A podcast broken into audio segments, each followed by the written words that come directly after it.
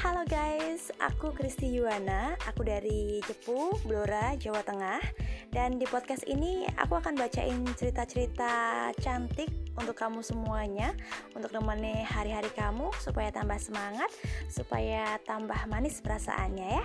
Oke, disimak semuanya, thank you.